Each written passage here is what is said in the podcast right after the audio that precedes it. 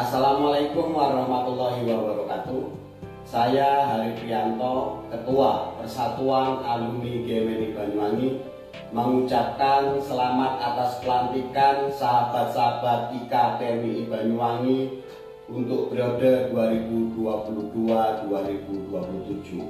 Saya yakin dan percaya internalisasi zikir, fikir, dan amal saleh sedalam sinergitas sambung rasa yang berkerakyatan akan membentuk peradaban Banyuwangi yang lebih adil, makmur, dan bermartabat. Merdeka!